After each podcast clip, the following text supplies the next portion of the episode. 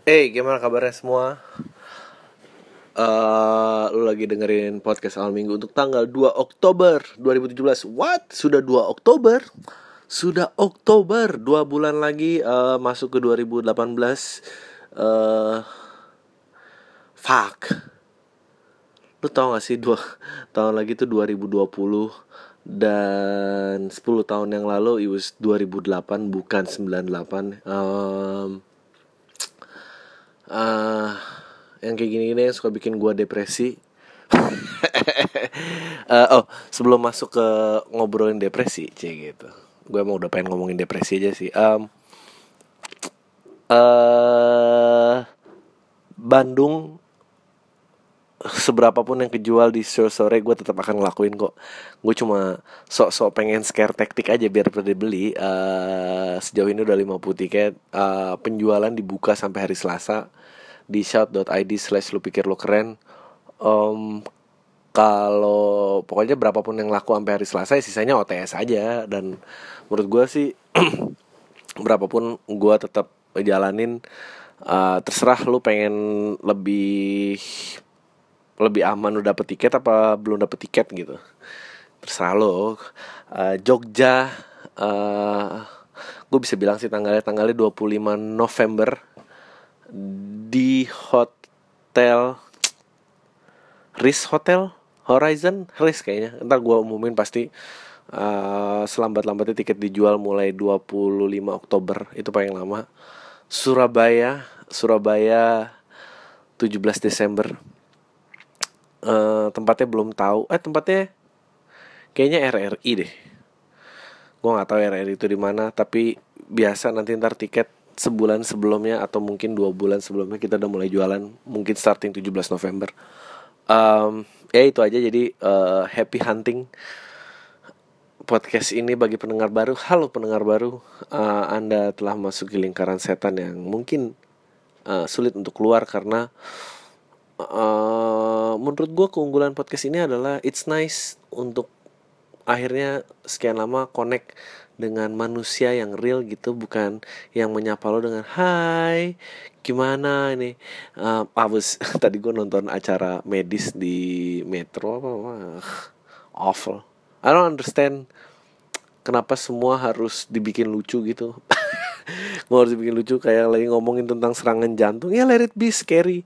Um, karena bagus karena nggak ada dari kita yang pengen terkena serangan jantung. Tapi kalau menakutkan nanti rating jadi turun dan tidak eh, komersil lagi. Jadi gimana kalau kita buat light? Ya yuk. Kalau dibuat light ya orang nggak dapat message ya dong gimana sih? Eh, sok-sok kayak ya bener juga ya gini deg-degan gitu. Deg-degan tuh tanda jantung eh, soalnya kalau belum gajian juga deg-degan sih. Ah, ah, ah, ah, ah. Em, tapi ya I guess eh, itu yang masih juara. Em,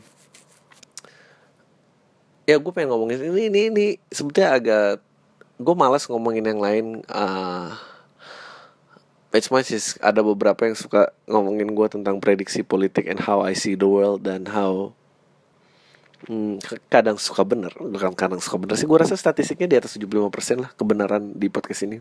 Meskipun gue tanpa eh, bacaan yang mendukung eh, dan referensi. Tapi eh, ya tebakan-tebakannya belum meleset. Eh, tapi kenapa gue sebetulnya gue agak malas karena I'm, go- I'm gonna say it. Gue bukan apatis tapi tapi eh menurut gue mengharapkan perubahan dari politik itu adalah eh, perbuatan yang sia-sia. Pada akhirnya gue udah mencapai konklusi itu karena eh ya kita semua lihat foto sakitnya dan em, keput- surat keputusan dari pra peradilan eh keputusannya udah keluar dari pra peradilan jadi ya ya udahlah mau gimana lagi? Jadi ya ya udah lupain aja um,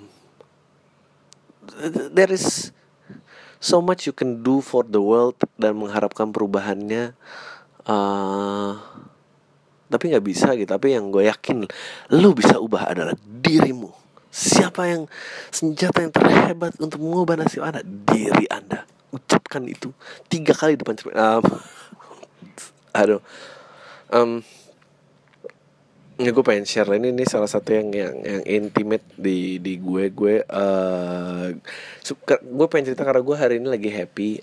Happy sekali karena uh, gue kayaknya uh, mulai keluar dari lagi udah nggak sedalam itu in, in in cycle of depression. Gue nggak bilang gue depresi nggak nggak pernah ada yang memfonis gue juga secara klinis dan segala macam tapi gue tahu intinya titik keseimbangan gue mulai um, terganggu gitu pada saat gue udah lama nggak olahraga uh, terutama kalau gue sering berat badan gue naik um, and then terus makan gue nggak beraturan um, apa akhirnya gue tadi bisa main basket dan dan lumayan mengangkat uh, mood gue gitu. Uh, um, ya kalau yang ngikutin podcastin lama juga gue sering ngomongin tentang meditasi and how itu membantu keseimbangan gue jadi uh, ya gue kalau sekarang gitu gue di titik lebih baik kayak looking back gue SMA kuliah uh, mungkin dari SMA kali ya. Biasalah ABG ABG teenage angst teenage angst gitu. Uh, um, dan akhir-akhir ini ya kemarin siapa? Chester Bennington. Gue ngeliat ada beberapa post viral um, depression. Don't have a face depression don't have a face. Um, betapa bahayanya depresi gitu-gitu. Dan dan gue rasa uh, melihat umur gue waktu masih muda itu uh, gue juga gue kayaknya pernah ada di di di di di cycle itu. Gue nggak parah sih gue maksudnya gue masih bisa fun function in society. Uh, gue masih bisa punya pacar. Maksudnya nggak deketin karena memang um, kedepresian tuh ada charmnya sendiri gitu ya. Uh, bagi perempuan-perempuan yang suka uh, mengkasihani dan merawat orang-orang itu bisa digunakan. Ya aku tuh um, produk broken home tapi aku nggak narkoba. Aduh dia tuh sebetulnya baik. Dia gitu uh, padahal tiap hari dimarahin. Terus dia cerita udah lalu tinggal ada cowok kayak gitu. Enggak enggak. Dia tuh bukan kasar dia tuh salah dimengerti aja. Enggak sih lu lu pacaran sama psikopat sebetulnya kayak gitu gitu tuh uh, ini bahasnya dari mana ya? Sebetulnya gue nggak tahu sih depresi apa tapi gue tahu stres itu apa dan stres adalah um, gateway masuk untuk semua penyakit mental gitu. Uh, depression adalah salah satu penyakit mental uh, bipolar adalah salah satu penyakit mental um, skizofrenia adalah salah satu penyakit mental. Um, terus uh, why do we feel stress gitu. Uh, I think it's a menurut gue stress itu adalah consequence consequential consequential konsekuensi consequential of intelligence. Ya konsekuensi dari dari nggak intelligence sih konsekuensi dari dari hidup menurut gue uh, karena memang itu im, im, embedded di di, di dalam um, badan kita uh, it was it was part it still is katanya it's still a part of our survival um, jadi um, again gue selalu lupa nama hormonnya apa uh, jadi uh, karena nature alam itu adalah uh, predator dan apa yang mangsa dan dimangsa ah predator dan apa? Aduh ya gua I'm just killing everybody dengan pre predator dan prey. Predator dan prey bego predator dan prey gitu. Yang mangsa dan dimangsa um, so uh, semua itu ada like kalau kita face to face dengan bahaya itu ada uh, fight or flight response. Ya yeah, fight or, uh, fight or flight response bagi yang ngerti bahasa Inggris um, responsi lo mau lawan apa lo mau cabut. And that's how we survive. Dan dan, dan itu um, gue lupa hormon apa ya di otak. Fuck. Gue cari deh gue cari biar biar biar jelas I don't fucking know I gave up. Ah intinya aduh apa ya hormon itu? Pokoknya hormon itu ternyata jelek buat otak gitu. Dan dan if it stays uh, a long time gitu dan dan dan um, di pokoknya sekarang kita keluar itu dulu kayak um, kita ketemu macan apa baru keluar sekarang itu keluar in daily life dimarahin bos, dimarahin uh, macet dan apa segala. Itu damage your brain dan itu membuka pathways uh, kebanyakan penyakit-penyakit mental yang lain dan segala macam. Dan um, so penyebabnya apa aja yang bisa bikin gitu? Of course condition lifestyle aja gue udah kayak dokter ya lifestyle dan um, yang lu makan uh, aktivitas lo dan dan gue uh, itu uh, gua dan gue tuh uh, ya makan. Ya dan gue paling khas kalau gue paling khas tuh um, uh, emosi uh, ngomong. Ini kalau lu pikir anjing Adri tuh orangnya ngomong kok bisa podcast ngomong? Ya karena uh, salah satu output gue yang paling parah adalah um, gue nggak sad kalau ngomel gue nggak jadi gini. Cerita gue sebelum menjadi jenaka seperti sekarang adalah uh, eh, gue adalah dulu orang yang sangat emosional. Dan emosional gue tuh khas karena men uh, apa lu tau gak sih? Kayak gue nggak tahu ya kalau apakah ada orang tuanya kayak gini atau atau lu juga marahnya kayak gini. Gue orang yang ngomong hal yang sama diulang-ulang sampai gue puas. Sampai sampai emosi gue meluap. Jadi tapi diulang-ulang aja. Kayak misalnya uh, marah gara-gara uh, pintu nggak ditutup kayak ya buka aja terus pintunya. Jelas jelas harus ditutup. Uh, kan kemalingan rumahnya. Makanya pintu ditutup dong. Tapi gayanya lain-lain gitu biar biar beda gitu selalu fresh. Makanya pintu ditutup dong. Kan jadi kemalingan. Lagi jalan buka-buka pintu. Ya gimana nggak mau kemalingan? Coba. Kalau pintu gak ditutup. Gini gini gini. Uh, Makanya sekalian lah bikin undangan tuh buat maling. Pintu dibiarin kebuka gitu. Terus and I will find so many creative ways uh, Untuk mengutarakan message gue yang satu. Sampai gue puas Dan uh, ya yeah, I was that guy Dan gue um, uh,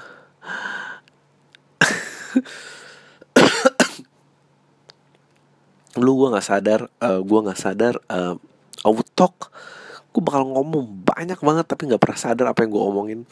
Um, jadi sebetulnya uh, sebelum kita ke mana-mana sebetulnya gue harus ngucapin terima kasih karena seba gue tahu banyak yang terbantu dengar podcast ini tapi sebetulnya juga kalian tuh bantu gue banget. Karena kalian uh, gue merasa kalian terkoneksi dan mau dengerin curahan orang stres ini. Um, ya jadi ya ya udah gitu uh, gue kayak gitu and and gue nggak pernah sadar kayak gitu Ariel gue nggak pernah sadar kayak ya udah hari lewat demi hari aja. Um, oh terus gue uh, a loner. Um, gue nggak suka birthdays gue nggak suka perubahan suasana gue nggak suka like you, you know uh, lulusan atau apa gue harus teman baru apa I just I just wanna settle. Uh, I, I just wanna quiet I gue cuma mau sendirian. Sampai yang gue sadarin ternyata gue bukan pengen keadaannya untuk diam tapi gue pengen sebetulnya otak gue untuk diam gitu. Oh uh, ya. Dan gue harus bilang sih bahwa you know dengan fenomena orang-orang pengen kawin muda ini so tau gue tau ini mengeneralisir banget gue pengen kawin muda uh, gue pengen hidup di luar negeri. Lu orang-orang kayak gitu. Nah uh, uh, kalau lu punya output output kayak gitu menurut gue uh, sebetulnya trigger stress terbesar lu adalah rumah. Uh, lu sebetulnya tapi gini yang harus ditanya nggak tapi gue juga happy kalau gue pergi. Ini like like happiness lo tuh bersyarat gitu. Uh, gue harus kawin baru gue akan happy gue harus pergi baru gue akan happy. Gue harus hidup di luar negeri baru gue akan happy. Uh, tapi sebetulnya itu lu bisa lu adepin gitu. Maksudnya menurut gue ironis aja gitu. Lu pergi jauh-jauh hanya untuk jadi diri lu. Like it's such a pathetic reason to live life. Um, ya yeah, uh,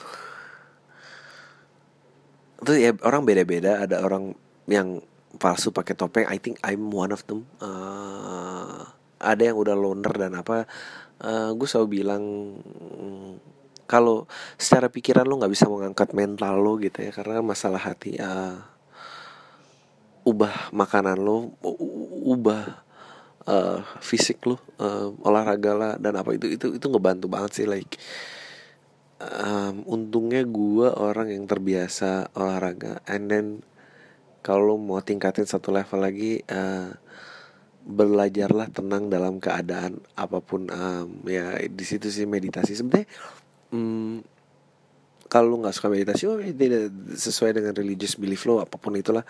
Uh, sebetulnya uh, bersembahyang dan berdoa uh, itu pun metode yang sama tapi uh, kalau bisa karena memang um, otak itu kan dia dia kan sangat sensitif akan akan stimulan um,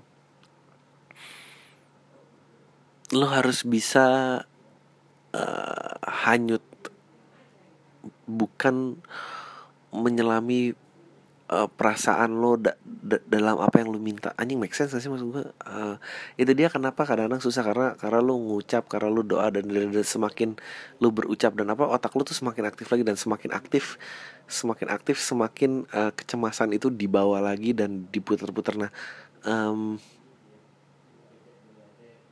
kadang memang uh, bukan terkadang sih karena memang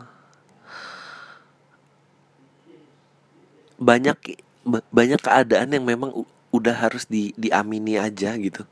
Gue gak tau dan ini juga yang berhasil belum berhasil gue jawab. Uh, apakah terus kalau kita semua mengatasi ini um, apakah orang orang-orang yang benar-benar bahagia itu ada. Uh, jawab gue juga nggak tahu. Kayaknya orang itu nggak ada. Kalau ada pasti itu orang paling annoying di dunia. Uh, kita nggak pernah bisa tahu apakah dia dalam delusional state atau emang dia berbijak pada kenyataan. I mean orang yang believe sama politiknya yakin aja lu tuh pasti takut gitu kayak anjing apaan sih lu? gitu. Uh, kok lu begini sih? gitu. Apa lu uh, segitunya tidak mau melep uh, segitunya sudah melepaskan kontrol diri sampai akhirnya uh, uh, lu mau hidup berpegangan pada apa pun filosofi yang lebih dari diri lo itu maksudnya um, itu juga ada ada istilahnya tuh kalau um, kalau kalau uh, apa pembunuhan yang yang dalam tim itu pergu ya itu dia tuh orang-orang yang ini uh, uh, uh, yang submisif yang jadi ada pemimpinnya yang mengeluarkan uh, ideologi ideologi gila pencetus ide yang kreatif dan apa dia yang ini dan dan dan the servant plan itu akan ngejalanin aja. Dan dan dan itu ada memang ada. Um, tapi gue nggak percaya itu. Um, uh, gue eh, ini ini, ini belief gue dalam kehidupan ya kalau lu tanya uh, kalau gitu makna dalam hidupnya apa? Kalau kita tidak dalam bentuk melayani atau tidak uh, menjadi bahagia juga nggak tahu caranya gimana apa ini. Ah I think life is life is best to live when you play it. Ini maksud akal nggak ada yang masuk akal sih di podcast ini. Pokoknya kalau main aja like it's a whole playground um bisa deh apaan tuh it's a whole playground it's a apa ya pengalaman untuk merasakan iya uh, uh, kesempatan untuk merasakan uh, di mana kesadaran lo hidup. Telek lah nih podcast. Mau jadi apa nih podcast? Um, uh, uh, playground untuk lo melihat seberapa jauh potensi lo bisa dicapai. Dan uh, menunggu situasi ideal baru lu bisa berfungsi tuh menurut gue sia-sia sih. Nggak pernah ya emang orang sabar ada jalan keluar ya tapi maksud gue kayak bukan sabar orang persisten cie. Bukannya panji dong. Nggak, nggak beda. Tapi um, cie gitu deh. I think uh, lo harus sadar state of mind lo uh, ke, ke, karena bisa bercabang ke hal yang banyak. Kayak gue dulu ternyata orang yang lonely dan gue selalu butuh companionship dan gue nggak pernah sadar. Like if gue go through dengan jalur itu uh, selalu pengen ditemenin orang gue nggak bakal tahu sih. Like gue mungkin bisa bangun dan kayak fuck kenapa gue uh, pilih orang ini dan gue nggak tahu apa yang harus gue lakukan. Sekarang gue udah terjebak gue nggak tahu jalan keluar gue di mana. Uh, gue juga mungkin stay dengan dengan um, pekerjaan yang gue nggak suka karena gue dituntut ini. Like uh, aku diri sudah lenyap daripada uh, uh, perjalanan hidup gue selama gue hidup gitu. Uh, ya gitu sih dan, gue nggak mau itu gitu. Uh, it's lu pernah nonton oh Yes Man gak itu ya Yes Man tuh lucu banget like Oke kita bahas itu dan, dan, dan how to live a better quality life. Jawabannya gimana? Anjing ini versi Adriano Kalbi um, kalau dijual buku pasti nggak ada nggak tahu jadi apa. Hmm, pertama-tama menurut gue uh, olahraga lah karena itu yang paling gampang ya. Uh, menurut gue itu tidak butuh rational thinking lo cuma butuh membiarkan impulsif lo atau oh. Bukan lo harus gue pernah ngomongin ini kayak lo harus membiarkan diri lo mengachieve sebuah goal dalam setiap harinya. Karena karena apa? Karena accomplishment atau penyelesaian sebuah hal yang dapat lo selesaikan itu akan membuat lo bagus. Um, ini mungkin kalau ada yang psikolog yang denger ini mungkin lo juga bisa nambahin. Tai so banget. Um, kalau gue nggak salah ya gitu kenapa first thing yang diajarkan terhadap orang yang udah mentally ill atau atau sakit jiwa atau apa adalah sense of order uh, you know uh, membersih waktu itu juga ada sempat viral di Facebook uh, uh, uh, kesuksesan versi militer apa uh, selalulah mulai dengan dengan uh, merapikan tempat tidur anda. Karena apa? Karena kalau lu berhasil merapikan tempat tidur lo itu goal pertama yang lu capai di tiap hari. Dan uh, buat uh, itu buatlah gol-gol kecil yang lebih besar daripada itu. Seandainya semua itu tidak tercapai paling gak lu pulang ke kasur yang kelapi like anjing that's the best um, ya tentang orang yang yang mentally nggak stabil pasti yang pertama diatur order uh, you know uh, fixing books ngaturin jajaran buku benerin uh, kasur uh, sense of order dulu. Karena um, I think men mental itu yang mengatur semuanya. Hati insan anjing. Um, ya makanya uh, olahraga karena set tiny goals karena uh, you know gue pernah sering uh, goal penting setiap hari itu penting. Uh, buat orang yang nggak biasa ranking satu buat orang yang kan gue yakin rata-rata di pendengar ini gitu nggak ada yang pintar. Uh, uh, ya, ya berikan diri lo ruangan untuk itu. Uh, kedua hmm, makanan. Anjing ini pretentious banget sih. So kinda Hollywood shit it pray love. Tapi memang uh, ada beberapa makanan yang yang harus lo buang terutama gula meskipun pada saat-saat darurat lu butuh kick off yang cepat ya gula sangat membantu kafein sangat membantu tapi lama-lama lo jadi addicted kalau nggak ada gula lo nggak bisa function um, kurangi salt yang asin-asin. Uh, gue kemarin udah saking depresinya gue pesan McD ya biar gue seneng aja gitu kayak uh enak juga nih. Kayak biar high abis itu tapi fucking depressed. Lo lo harus nonton um, Super Size Me. Dia lihat uh, sebulan makan McD doang dia, dia jadi depresi. Dan dia bahkan nggak bisa function normal kalau nggak dimakan karena dia harus kick ke situ. Uh, nah ini bukan mau shaming siapa. Itu, itu itu problemnya dengan orang yang gendut. Maksudnya gue juga pernah gendut. Uh, ngompor pernah 90 kilo anjing fuck gendut banget lah. Uh, di poster lu pikir lu keren itu gue gendut. Sekarang gue eh enggak sih itu nggak segitu parah ya sih. Uh, muka gue emang kayak gitu aja mau diapain lagi anjing lu muka gitu pede lagi bikin poster kayak gitu ya gue udah berdamai lah dengan bentuk fisik gue mau diapain. Um, uh, gue mau tadi makanan. Oh ya uh, habis itu fucking drop langsung di press. Lu perhatiin deh lu habis mak tapi ini cuma berlaku orang-orang di atas 25 tahun sih. Uh, kalau lo habis makan junk food kalau di sebelumnya metabolisme lo udah kalah lo tuh ngantuk main habis itu. Ya gue gak sanggup ngapain lagi ada gue ini coba aja deh. Itu terlalu high on sugar dan dan dan dan um, garam. Uh, ya makanan sehat sangat ini tapi itu pasti susah. Uh,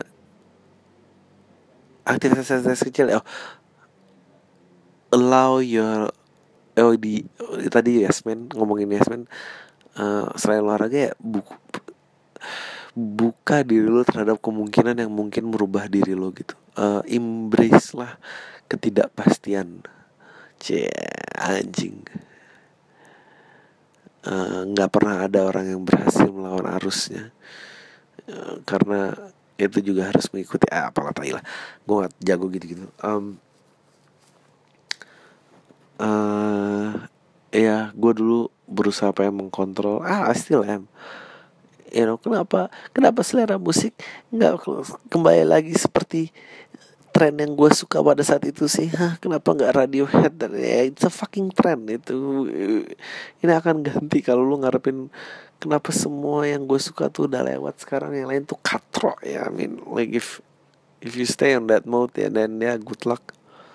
Uh,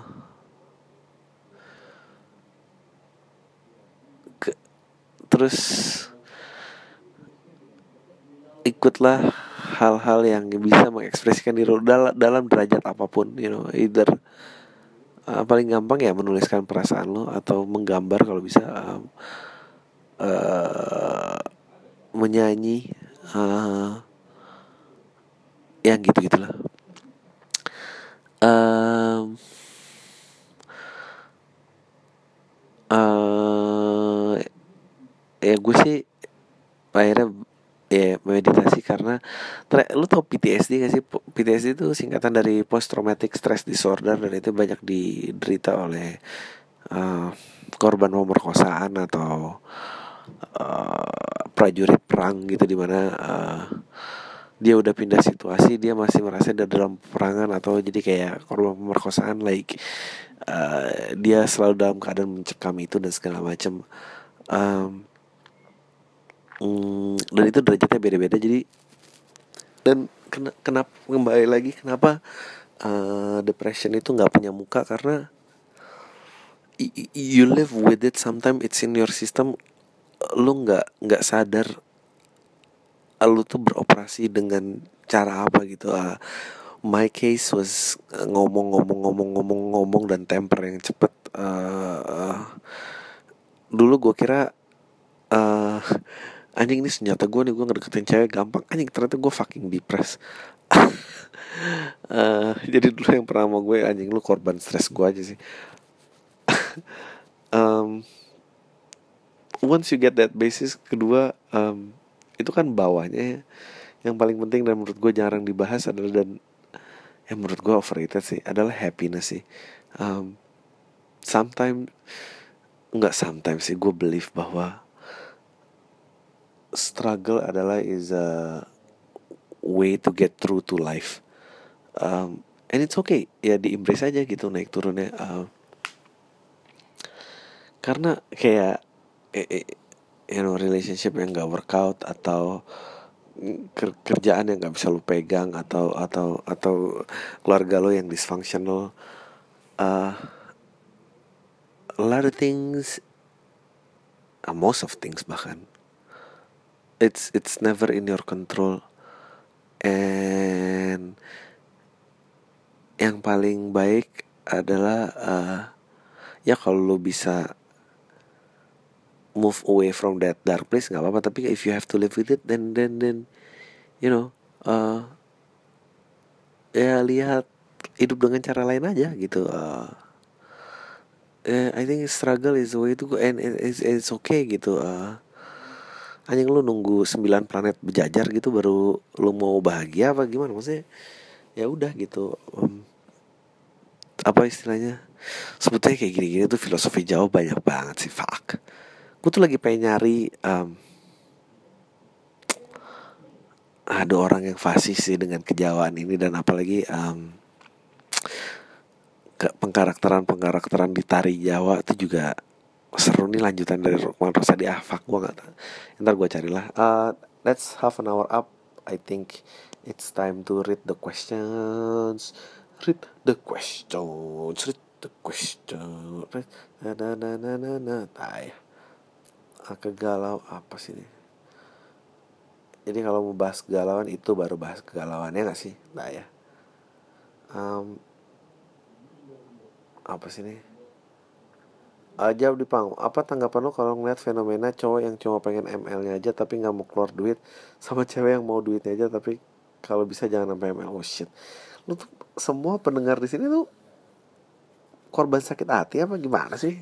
Punya pacar apa enggak sih uh, kalau berkenan impersonate tuh ngobrol mereka kayak apa bang? I don't I cannot impersonate them. Uh, gue gak ngerti cowok yang cuma pengen ML-nya aja. Ya itu uh, hormon remaja anak muda memang begitu. Uh, tapi nggak mau keluar duit ya itu tai sih maksud gue ya keluar duit aja maksudnya. Ya apa kek? Tapi memang sih um, uh, itulah susahnya kalau uh, sama yang tidak berpengalaman ya ini. Natarnya susah kayak aduh ini tuh emang mesti kita ke arah situ. Nggak nggak gue encouraging seks bebas ini uh, mau duitnya kalau bisa jangan sampai ML ah I don't know gue nggak pernah dimaterin cewek sih. Temen gue tuh pernah dimaterin cewek gue juga bingung tapi kayaknya seneng-seneng aja gitu. Um, makanya gini loh kalau lu nggak mau dimaterin cewek um, ya, ya jangan kejar cewek yang di luar liga lu lah. Maksudnya ya udah ya lu udah tahu kan gitu kalau dia di luar liga lu terus lu bisa dapet tuh itu bukan sesuatu yang bisa lu syukuri. Mesti lu bertanya sama diri lo gitu. Kalau lu ngeliat ke cermin anjing apa sih yang dia lihat dari gue? gitu. Hah? Pekerjaan yang apa? Pekerjaan yang miskin ini apa apa badan gua yang nggak jadi atau emang ternyata orang tua gua kaya? Gua mau you know lah. Ah ya. Oke. okay. Jadi pas uh, bang omongan lo soal ribut-ribut angkutan online kemarin kejadian lagi. Ya dong. Uh, Elon Musk baru ngeliat video rencana untuk bikin penerbangan roket antar dunia dengan harga kelas ekonomi pesawat biasa dan durasi penerbangan satu jam. Coba impersonate jadi pilot-pilot yang mogok masal bang. Um, uh, ya gue gak ngerti sih. Uh, but you know one thing about Elon Musk ah that guy is a gue nggak tahu sih. If there's one guy yang gue belum temuin celaknya itu Elon Musk sih. Like gue berusaha skeptis tentang dia uh, anjing dia dia mau bikin dia bikin dia Tesla kan kalau nggak salah. Eh Tesla. Um, pokoknya gue lupa deh rancangan dia. I think it's Tesla deh. Semua like lu tau kan bisnis um, bisnis teknologi itu kaya dari dari dari dari dari proteksi copyright. Like kalau lu sadar uh, kenapa PlayStation Xbox atau handphone nggak pernah ada yang sama? Karena itu diproteksi. Jadi A titiknya di sini B titik di sini kenapa ini pakai segitiga apa itu? Karena itu dipatenin. Nah dia tuh ngebuka semua patennya loh. Untuk diadop sama kendaraan lain dan dibikin kalau lo mau pakai uh, dia pernah diwawancara kenapa lo buka kayak gitu kak? Terus dia bilang you know kalau lo uh, dalam naik perahu yang perahunya bocor terus uh, dia bilang uh, terus lo nemuin desain ember yang bagus kan lo tolol kalau desain embernya tuh lo keep buat diri lo sendiri. Anjing like you know like sudut pandangnya terus dan you know like gue nggak nemuin celahnya. Like it's it's he's totally different than aduh nggak tahu sih. Tau gue gue gue harus merisi. Elon Musk tuh ngapain aja sih? Iya bener PayPal uh, Tesla kan. Dri Dri. Parah banget sih lo um, iya iya um, gue nggak nemuin sih. Kayak like you know gue bisa nemuin sekejap dengan uh, platform sharing ekonomi sih. Gue bantai lah apa pun bentuknya itu. Uh, yeah, that guy just just changing the world sih. Um, ya tapi mungkin uh, apakah dia evil minded yang akan membuat semua orang uh, menjadi budaknya ya kita juga we soon gonna find out ah uh, apa lagi ya oke okay, let's go to email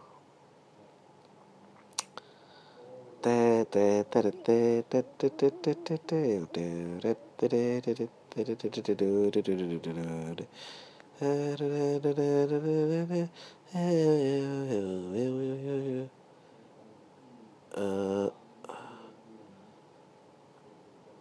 ini mah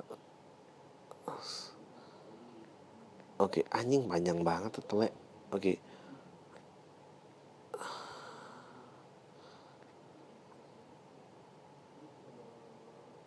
Apa sih nih?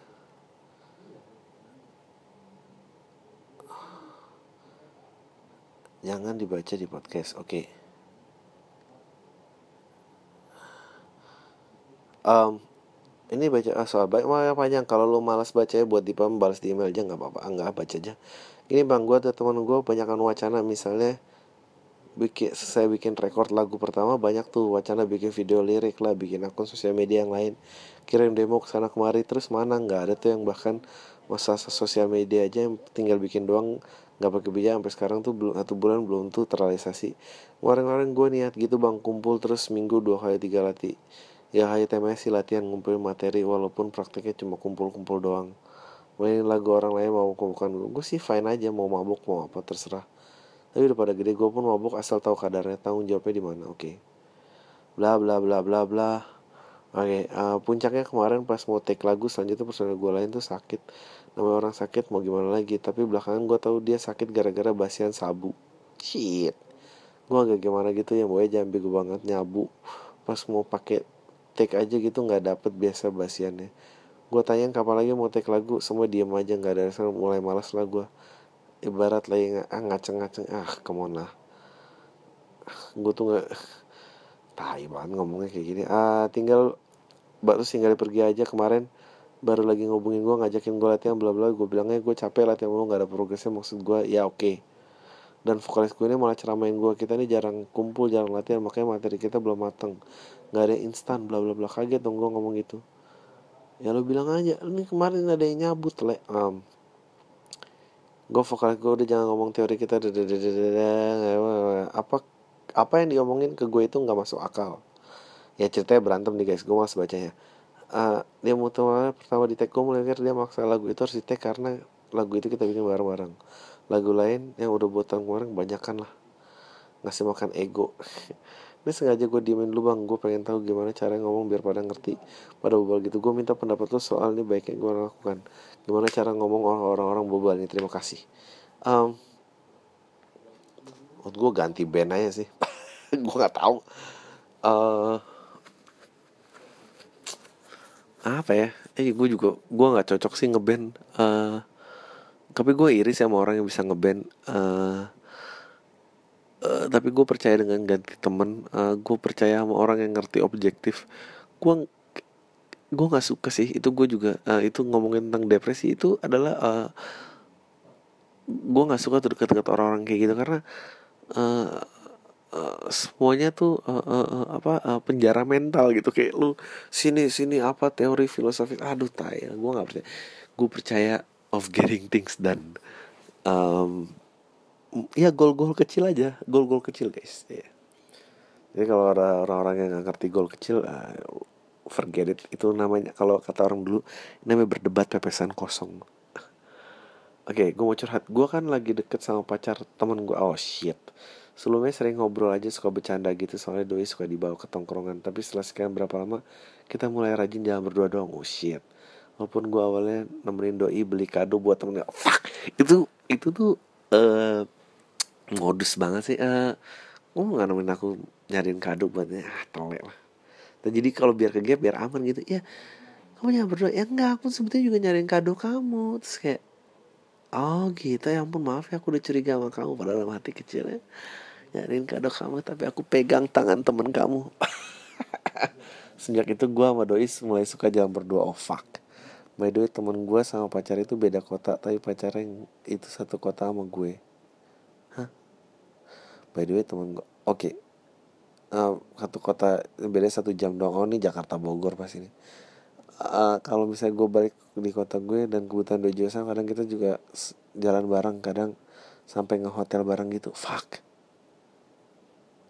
yang hotel bareng udah lu sikat dong nih gue jujur rasa guilty banget tapi I love the sensation telek lah parahnya gue kayak ngerasa jadi pelarian si doi aja soalnya emang lagi nggak akur dan cowoknya emang agak cuek sih. Ya lu sikat aja. Kira-kira mana siapa? Sikat.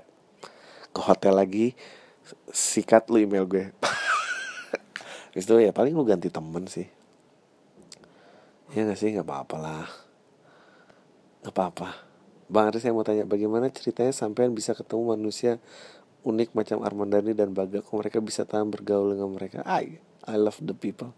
Semoga top konsensus saya bisa menikmati podcast gratisan ini. Ah gue actually kenal Baga um, uh, Baga uh, apa ya um, waktu gue bikin program di Kompas TV dia researcher gue. That's how I first met him. Dia gue dikenalin sama uh, Irfan Ramli Ipang yang nulis uh, waktu itu dia belum nulis apa apa dia buat baru pertama kali mau bikin cahaya dari timur kalau nggak salah. And then um, dia nulis yang nulis uh, Banda. Eh dia yang bawa. Uh, terus kena Armandani Twitter pakainya deh. Eh enggak sih. Ternyata dia ngikutin stand up gue gue gak ngerti kenapa. Uh, terus follow followan twitter terus sering ceng cengan aja. Habis itu dia ketemu and then you know very nice people. Hmm, oke. Okay. Halo Bang Aryo Wahab Cegit Saya lulus jurusan akunting Universitas di Jogja Kuliah 6 tahun. Lama ya? Haha kuliah lama saya jadi nurutin passion jadi barista. Uh saya barista kurang lebih satu setengah tahun. Habis itu saya keluar gara-gara kontrak udah habis Dan dikejar-kejar orang tua buat nyesain kuliah. Singkat cerita tahun ini akhirnya saya lulus seperti orang tua pada umumnya. Saya Mereka suruh daftar kerja di perusahaan-perusahaan besar dan Yang pasti CPNS Tapi saya nggak niat-niat banget. Karena nggak tahu apa-apa soal accounting. Oh ya saya juga hobi desain grafis dan menurut saya hobi saya berpotensi sebagai profesi nanti ya. Mulai da maka dari itu berencana bekerja di agensi desain yang pasti bertentangan sama ortu dan saya mungkin dan mungkin pacar saya. Saya sama. Ya kepikiran buat ninggal orang tua dan pacar saya demi pekerjaan saya yang pengen. Menurut abang langkah saya benar apa enggak ya? Saya baru cerita ini ke bang Ari karena orang lain seperti tidak membantu. Oh ya saya mau nawarin bikin logo baru pam. Hitung-hitung jadi portfolio. Kalaupun bang Ari berkenan ya nggak berkenan sih. Um, karena mungkin logonya udah terlalu bermakna jadi nggak diganti-ganti. Betul uh, lihat portofolio saya oke. Okay. uh, ntar gue lihat. Ini boleh dipromoin nggak? Kreavi.com aski gue udah lihat. Jadi CPNS aja lo. Nggak ding. Menurut gue um, gue nggak percaya dengan nganggur jadi uh, yang kayak gini-gini sebetulnya ya itulah ya apa banyak kesimpulan based on asumsi menurut gue uh, gue percaya sama gol-gol kecil. Jadi lamar aja semua menurut gue uh, dan yang mana yang duluan. Kayak sekarang emang lo kalau dua tahun nganggur demi jadi desain grafis lo mau?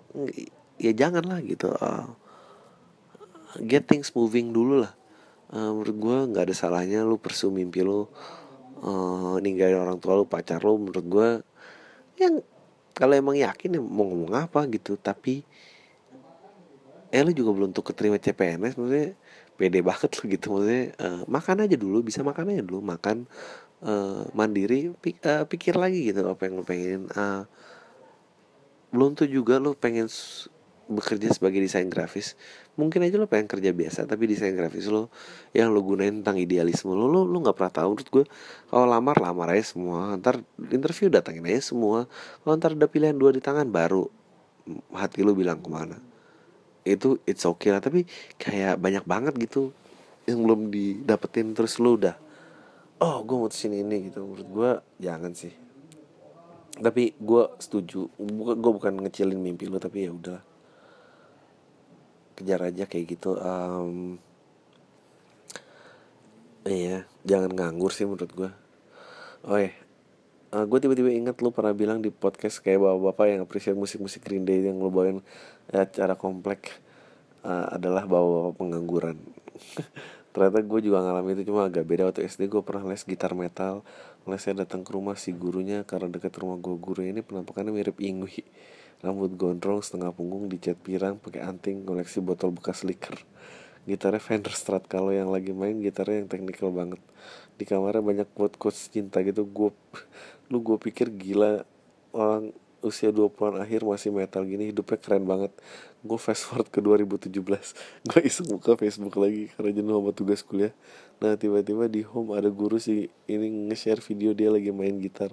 Rambutnya udah gak gondrong lagi tapi masih permainan gitar yang ngebut gitu. Akhirnya gue bukalah page Facebook yang isinya dia jualan-jualan gitar dan efek. Tapi ada satu postingan yang menarik isinya postingan dia bikin album gitu rock instrumental captionnya dijamin rock romantis dan teknikal dan yang gerak cuma empat orang. Termasuk dia sendiri ampun. Temennya yang foto profilnya udah sama anak istri dan dua lagi mas-mas metal. Gue ngakak lah. Terus gue ingat ternyata dulu dia di umur 20an masih metal-metalan tinggal sama orang tua. Terus sekarang dilihat video-videonya juga nggak ada. Perubahan itu sama sekali nggak keren. Di sisi lain getir juga sih kalau ngeliat dia gitu-gitu doang. Yang gue kepo tuh yang di pikiran dia sehari-hari tuh di umur 30 akhir belum nikah masih metal-metalan coba lo tolong impersonate bang. Makasih. Nggak bisa men. Musik tuh nggak gitu. Musik tuh musik tuh harus kayak gini. Coba perhatiin baik-baik nadanya. Menyentuh hati kan. Dunia ini tuh gue nih gue nih bukan nggak keren tapi orang-orang nggak ngerti. Ya aduh ya Allah. Nggak tega gue kalau gue mungkin jadi kayak gitu. Um, Halo bang, sebelumnya uh, lu pernah disebut sebagai bawa podcast Terus lu menyangkal dan biasanya sekarang Ada lagi sebutan Lord dari beberapa teman komik kayak Gimana? Tanggapan lu bang? Jawab di pam ya. Uh, Tanggapannya tai sih. Gue gak penting, gue gak ngerti kenapa bisa sampai di situ. Um, Ya gue gak ngerti. Gue benci lah peninggi-peninggian gitu. I mean, gue tuh jarang baca loh Maksud gue ngapain sih? Uh, Kejar aja yang lebih pinter masih banyak. Sebetulnya itu ada pesan terselubung gak sih buat yang pinter lu bisa bisa kasih tahu gue sebetulnya berusaha ngomong apa cik gitu tapi nggak mau aja tapi nggak mau ngasih statement. Santai bang Ari dari pendengar dari Bali Timur. Uh kota Klung uh, Klungkung tepatnya. Uh, gue nggak ada pertanyaan cuma mau mohon doanya dari lo keluarga para kolontai. Wah doakan kami selamat dari bencana Gunung Agung ya. Semoga um, pada selamat dan tidak ada yang dalam keadaan berduka uh, tidak ada kerugian yang diderita uh, gue sedih banget ngeliat kota kecil gue dulu yang sepi dan tenang. Sekarang ramai didatangi pengungsi dan suara sirine mondar mandir di jalan sepanjang hari. Rasa sedih lihat keadaan kayak gini pengungsi kebanyakan bayi dan orang lanjut usia banyak yang sakit-sakitan. Dan siapa tahu denger ini mau donasi bantuan. Oh uh, ada kami tunggu dan mohon dengan banyak kawan. Uh, berupa apa pun terima kasih udah dibaca nih Pam uh, semoga sehat selalu keluarga amin. Uh, boleh kirim lagi nggak? Uh, kalau bisa membantu ke mana? You know wow. gue coba promosiin lagi. Dan gue harus nyebut gue mau bantu nggak ya tak ya oke okay. mas bro kata Jerry Seinfeld di Jerry before Seinfeld he as he and most all comedian can talk to all of you but cannot talk to any of you. Kalau lo ngomong emang lebih nyaman ngomong di depan banyak orang daripada ngobrol satu lawan satu. Banyak komedian apa semua artis begitu. Uh, gue nggak sih gue ngomong satu lawan satu gampang. Cuma masalahnya kalau gue gue mau ngomong nggak sama orang ini apa enggak itu sih problemnya. Um, gue ngobrol sama orang banyak sebenarnya karena nggak pengen ngobrol sama orang yang so asik aja. Uh, itu sih. Gue nyaman nyaman ngobrol sama Bang tampil di kayak grogi gitu nih. Hei uh, Bang komentar lu tentang Fahri Hamzah yang dengerin podcast lu gimana? Terus kenal si Joshua waktu kapan bang? Hah? Goblok nih. Fahri Hamzah gak dengerin podcast gue goblok. Itu ada orang yang nge-photoshop Ditaro podcast Layarnya di layar twitternya Fahri Hamzah. It's a joke man. Kenal Joshua atau kapan? Pertama kali kenal Joshua itu adalah di stand up Metro. Uh, gue kayak wah ini Joshua artis cilik sekarang mau stand up nih. Sedih amat ya karir artis cilik. Nggak tahu mau ke mana gini akhirnya stand up. Um, ya gitulah. Halo bang gue uh, ini yang pernah pernah pertanyaan tentang pasangan yang berpenampilan syari dengan Islam kita sedangkan gue sini KPR dan sering. Oke okay masih ingat gue jadi gini pada akhirnya kita lewatin selama dua bulan ini akhirnya ada satu titik di mana ada hal yang nggak bisa dipaksain yaitu komunikasi. Ah yang nggak bisa dipaksain itu komunikasi itu kan hal yang akan menyelesaikan semuanya. Jadi kalau nggak bisa berkomunikasi sih menurut gue susah sih. Gue susah banget intun sama omongan nih orang nih anak. Ya udah. Udahlah kelar. Pada saat gue suka ngomong. Di saat dia sharing kebanyakan dia tuh diem aja cuma ngeliatin gue mulu. Nah terus lo suka kenapa sih? Alasannya karena dia suka dengerin kalau gue ngomong seakan-akan terpesona. Kebanyakan dengerin lu bang jadi so asik setelah kita berdua udah sama-sama menjauh tapi masalahnya sekarang nih anak teman kantor gue. Tiap hari ketemu gue ah. Ada perasaan feeling guilty bukan susah move on tapi lebih mikirin perasaan yang enak. Ya nggak usah dipikirin lah. Kalau misalnya akhirnya gue bisa jalan yang lain ya anak merasa gue kadarin doang. Ya enggak lah. Ya bilang aja kita nggak nyambung. Aku ngomong kamu diem doang. Nggak lagi-lagi deh bang punya hubungan kayak di kantor gue ya iyalah you don't shit where you eat man mood campur aduk dan aneh situasi pertanyaan bang gue harus gimana untuk memposisikan diri di kantor? Mau di depan dia karena untuk profesional minta ampun susahnya. Thanks selalu tunggu di APK Surabaya. Um, ya. Ya lo harus ajak ngomong ada tapi dia nggak ngomong sih. Orang bisu gitu gimana ya? Halo. Halo. Bang nggak tahu udah pernah nanya. Halo. Mau ngomong apa? Enggak. aku habis bahas tentang depresi yang bikin malas tentang bahas tentang depresi adalah gue akan menarik orang-orang yang depresi. Seperti istrinya. Enggak, maksudnya kayak jadi pendengar gitu. Aduh oh, iya. malas gue harus konsultasi mental. Bang nggak tahu udah pernah nanya lo nyaranin apa belum? Uh, udah ada yang nyaranin. Menurut gue sekali-kali ada yang siaran langsung gitu. Ya udah ada yang nyaranin. You know semua tuh bisa saran. Mau patungan nggak? Nyawain gue tempat gitu. Nggak ada yang mau juga kan telek lah udah diem aja dan gue nggak pernah mau minta patungan karena apa? Karena gratis aja lu banyak mau gimana lu bayar? Pasti lebih banyak mau lagi. Uh, ada ya ada siaran langsung gitu terus ada yang tanya jawab gitu kali aja lu nemu orang yang lebih gila. Gue nggak butuh nemuin orang lebih gila daripada ini. Bang kalau lu takut sama tanda-tanda kiamat gue sih lebih kepikir perang nuklir sih. Ah nggak mungkin perang nuklir sih. Berita ribut-ributnya Korut sama AS cukup gue ikutin dan gue jadi parno sendiri meskipun Indonesia nggak ikut-ikutan tapi who knows ada 13 pangkalan militer Amerika di seluruh Indonesia. Malah gue udah kebayang bakal bikin bunker. Ini lucu banget nih. Ya bikin aja men uh, bu buat uh, bawa tanah kalau nanti gue bikin di rumah. Menurut lo gimana? Bikin kalau jadi uh, eh, gue mau kalau emang jadi nuklir gue ke tempat lo. Uh, saya terus salam buat ibu Kalbi nunggu LPLK Surabaya. Dia udah gue umumin balik ngapain sih lo salam salam balik Hah? Soalnya dia bilang salam buat aku. Eh nggak tahu. Jangan ganyan jadi istri. Aku Kamu ngerti nggak lelaki? Nggak ada nggak. Aku cuma mau impersonate orang yang impersonate orang yang. Jangan ganjan. Ini aja yang. Bukan itu, bukan itu. Yang apa namanya? Uh, uh, pengen jadi orang yang sosok posesif aja ini udah berapa sih lima atau tiga menit oke okay. Gue mau tanya pendapat lu tentang orang yang mengcover lagu yang lagi ngehits terus mereka mempublish cover mereka dan diduitin juga. Udah gitu pendengarnya lebih banyak daripada versi original. Menurut lu gimana? Uh, ya itulah teknologi tuh makes people yang have no business di situ uh, jadi bergabung gitu maksudnya kalau lu nggak you know kalau lo nggak in the business of creation dan sebelum ada teknologi you have to create to exist. Sekarang ada teknologi orang yang nggak bisa create pun ada di situ. I hate technology. Itu sih. Katro sih gue gue sih dulu kayak sempet kayak oh bio seven ini bagus juga. Anjing katro. Jadi podcast dong jangan sebut emailnya. Oke gue cerita temen gue nggak lucu banget. Jadi bokapnya buka kafe.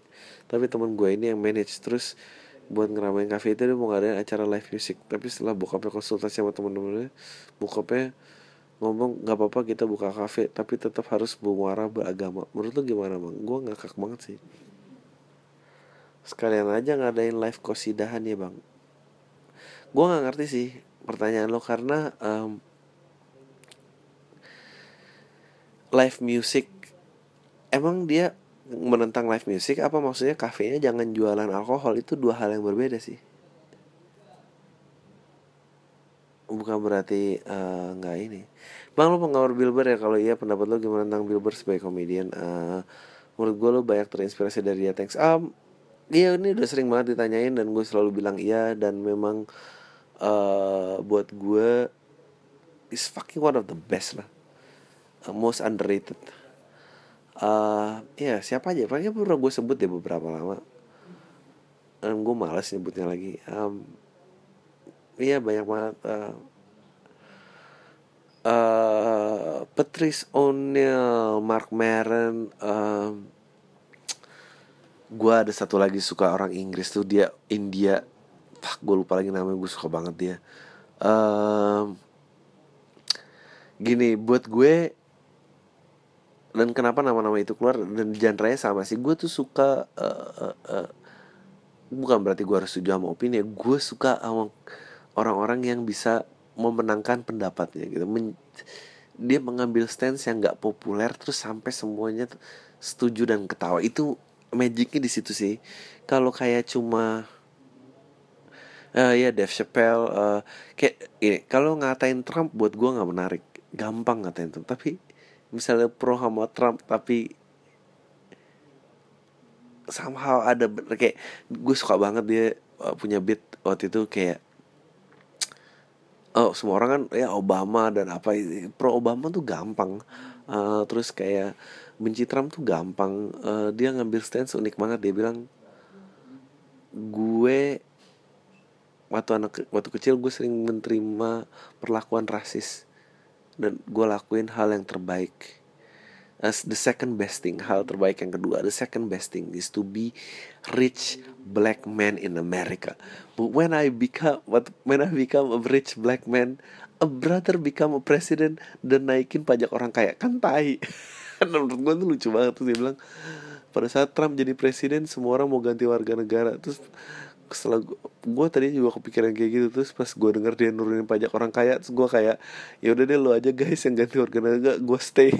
Kayak bukan gue yakin dia dia nggak dia nggak setuju sama Trump dan tapi kalau dia cuma gunain kartu rasnya it's too easy untuk benci Trump gitu. Tapi tuh somehow nggak gunain dia tetap gunain ras kartu rasnya. Maksudnya orang itu pengen cari yang untungnya aja gitu yang nggak mau rugi. Dan tetap ada tapi it's so unique. Uh, makanya gue nggak suka sama orang-orang yang gampang tersinggung karena karena itu hiburannya itu itu mendengar point of view orang itu. Um, dan gue berusaha menerapkan itu di semua bidang pertunjukan gitu. Kayak musik pun gue pengen denger lagu yang kayak wow apa yang dia laluin sampai dia dapat ini? Buah berarti gue harus setuju tapi kayak gue terkesima sama buah pikirnya gitu gitu sih. Dan um, ya Billboard salah satunya gitu. Patrice O'Neil juga. Oh ini um, Mark Maron uh, oh gue cari deh yang orang Inggris. Ah tahu malas gue uh, bang udah nonton pengabdi setan belum? Ah gue pengen banget belum nonton ceritain pengalaman terhoror lu bang. Uh. Uh, gue nggak tahu sih karena ini kejadian waktu gue kecil. Uh, waktu itu uh, bonyokku tuh sering jalan darat uh, ke mana-mana karena pesawat mahal kan. Kita ngelewatin daerah Tasik. Dan hotel itu masih ada. Gue nggak tahu kalau ada yang di Tasik tapi dulu tuh nah sekarang udah lama hotel tuh di samping-sampingnya ada anjing. Gue kalau jalan lain gue mau sih gue sekarang udah ada rumah-rumah. Dulu tuh hotel itu di pematang sawah doang. Uh, nanti ada hotelnya sendiri. Jadi ceritanya dulu bonyok gue um, bonyok gue bonyok gue mogok mobilnya di pos polisi. Tasik nggak gede mungkin ada yang tahu kali ini daerahnya di mana um, terus nanyain aduh hotel ke mana? Aduh hotel jauh pak. Di sini nggak ada hotel. Tiba-tiba pokoknya orang ini tiba-tiba muncul ngakuin eh ada nih hotel ayo saya antar. Ya udah pergilah. Um, nah terus diantar ke hotel itu orang mah kalau ngantar hotel kan pasti minta tip atau kayak minta persen dari hotel ngenalin lah siapa. Eh ini saya bawa yang mau nginep bla bla bla. Nah, orang itu hilang aja tiba-tiba. Hilang terus orang udah bingung. Oh hotelnya tuh aneh gitu. Dalam temboknya merah semua dan apa dia bilang ya udah deh mau mau nginep gitu karena udah malam. Gue masih kecil katanya. Ini bukan pengalaman terhoror gue sih tapi ini cerita yang menurut gue seneng aja gitu. Eh, em, mau nginep gitu. Terus masuk ke ruangan ranjangnya tuh ranjang Belanda gitu serem. Terus bokap gue udah capek banget lompat ke kasur terus yang keluar tuh kecoa semua gitu dari bawah kasur. Bokap gue udah cek udah bodo amat lo besok, besok pagi doang. Nyokap gue tuh was was kayak aduh gimana sih ini? Gimana nyokap gue bisa tidur? Eh gue masih kecil terus kayak mau mandi mau mandi buka kamar mandi itu WC jongkok dulu. Lo harus lompatin WC jongkok baru ketemu bak mandi. Pokoknya udah aneh banget anjing nih gimana sih? Terus kayak akhirnya dia mau ngomong keluar nggak ada sabun nggak ada odol minta beliin sikat gigi lah tolong beliin dong pas ini gitu. Nah habis itu balik eh, lagi keluar gitu nanya nyokap gue jam. nanya nyokap gue eh nanya eh, nyokap gue nanya kayak mas di sini tuh nggak ada yang nginep ya? Terus kayak ada sih bu di situ tapi orangnya nggak pernah keluar gitu. Terus kayak anjing udah mulai aneh nih terus kayak apa udah mulai aneh. Tuh, karena emang ada mobil mobil udah ya busuk gitulah jogrok di depan. Yang punya mobil itu katanya gitu. Akhirnya beli eh, terus nyokap gue tuh freak out keluar gara-gara pas balik ini so, eh, sabun sama sikat gigi sama odol gitu eh, ngeliat gue masih bayi gitu. Terus dia tuh senyum kayak mau makan bayi itu dan dulu tuh katanya ada setan orangnya tuh nggak punya apa nih yang tengah-tengah ini. Gue nggak tahu sih namanya ini nam- gue selalu nyebutnya namanya jempil jembatan upil. Apa lekuk bibir ini? Terus dia orangnya kayak gitu terus senyum gitu langsung freak out ibu gue gue mau bokap gue udah cabut-cabut pergi dari situ. Hotelnya masih ada. Ah, anjing gue harus dalam darat sih gue harus nyari hotel itu gue foto lah kawan-kawan. Oke nggak usah sebut nama 23 tahun gue galau dari abis putus sama cowok gue gue nggak tahu eh, gue yang tai atau dia yang tai gue dibilang terlalu bergantung sama dia gue nggak ngerti maksudnya apa. Padahal gue cuma butuh ditemenin lewat chat atau telepon aja gue nggak minta pundak dia untuk jadi tempat gue bersandar waktu gue capek dengan masalah kerjaan dan masalah lain Ci. Ah, kayak ketemu seminggu itu sangat-sangat cukup gue nggak minta beli ini beli itu disebut dari sini kayak teman-teman gue lakuin ke cowoknya apa permintaan gue itu berlebihan ya Dri dia keberatan dengan keinginan gue? Hah gue sayang banget sama dia. Uh, gue selalu berusaha kasih yang terbaik buat dia. Uh, dia jadi patah hati gue yang paling tai. Gue ngerasa sekarang ini ada ketimpangan dalam hidup gue. Di mana kalau gue nya galau dianya enggak karena pilihan gue cuma bisa move on. Gimana cara gue move on Dri? Oh ya thanks ya Dri untuk potensi jangan capek-capek demi eh, capek-capek ngoceh demi generasi bangsa yang lebih baik lagi. Em, menurut gue eh, cowok lo selingkuh. Asli asli cowok lo selingkuh. Asli cowok lo selingkuh eh, karena mungkin lo mungkin dia cuma nggak tahan sama lo karena lo tuh boring. Terus dia udah cari-cari alasan doang sih buat mutusin lo. Itu ungkapan That's harsh, man. Enggak tapi bener aku yakin Menurut kamu ya enggak? Aduh, aku takut dia tiba-tiba jadi sosiopat kayak. Enggak enggak enggak Menurut gue kalau cara move on mah Eh nih kolantai banyak nih yang Mau nggak berminat coba eh, Lu kirim email balasan eh, Lu tuh kayak apa nyari cowok Ntar siapa tuh Anjing nih jadi biro jodoh gini Lu di show di kota apalah Datang lah kenalan sama orang banyak Gampang Ya, lah tapi menurut aku pendengar kamu eh, ini kok intelek-intelek lah maksudnya. Oke. eh, Suka milih pasangan yang enggak aja sih Oke, bang, ini gue lagi bingung sama kerjaan, tapi di satu sisi gaji nutup banget buat hidup di Jakarta, tapi di sisi lain gue kayak under pressure sama bos gue. Gue ngerasa disamain sama anak lama, sedangkan gue fresh grade dibilang kaku banget ke gue ke bos. Mau seasik gue juga takut. Katanya anak sebelum gue yang udah resign di ketek bos gue sampai 8 bulan nah gue baru 4 bulan udah disuruh presentasi ketemu klien bikin deck sendiri menurut lo gimana M- ada saran nggak supaya gue nggak gelagapan kalau presentasi kalau lo mau stay dia bilang mau stay mau banget kalau kata lo perut nomor satu idealisme overrated. Ah menurut gue ya lo harus embrace aja kesempatan itu. Uh, gue dulu juga nggak ngerti gue dulu banyak um, uh, memulai uh, nggak ngerti gitu pengennya perusahaan gede bonafit dan apa uh, ternyata gue udah tuaan gue nyesel. Mesti hajar bleh aja. Bawa asik aja lah paling gagal paling apa tapi lu dikasih kesempatan. Uh, lu lebih capek lagi kerja di perusahaan yang struktur uh, memang sih dibantu tapi ntar keberhasilan lu juga diklaim sama atasan lu males sih. Embrace aja lah kita hari ini lagi ngomong embrace ah. Udah tayah itu aja. Tayah lu semua deh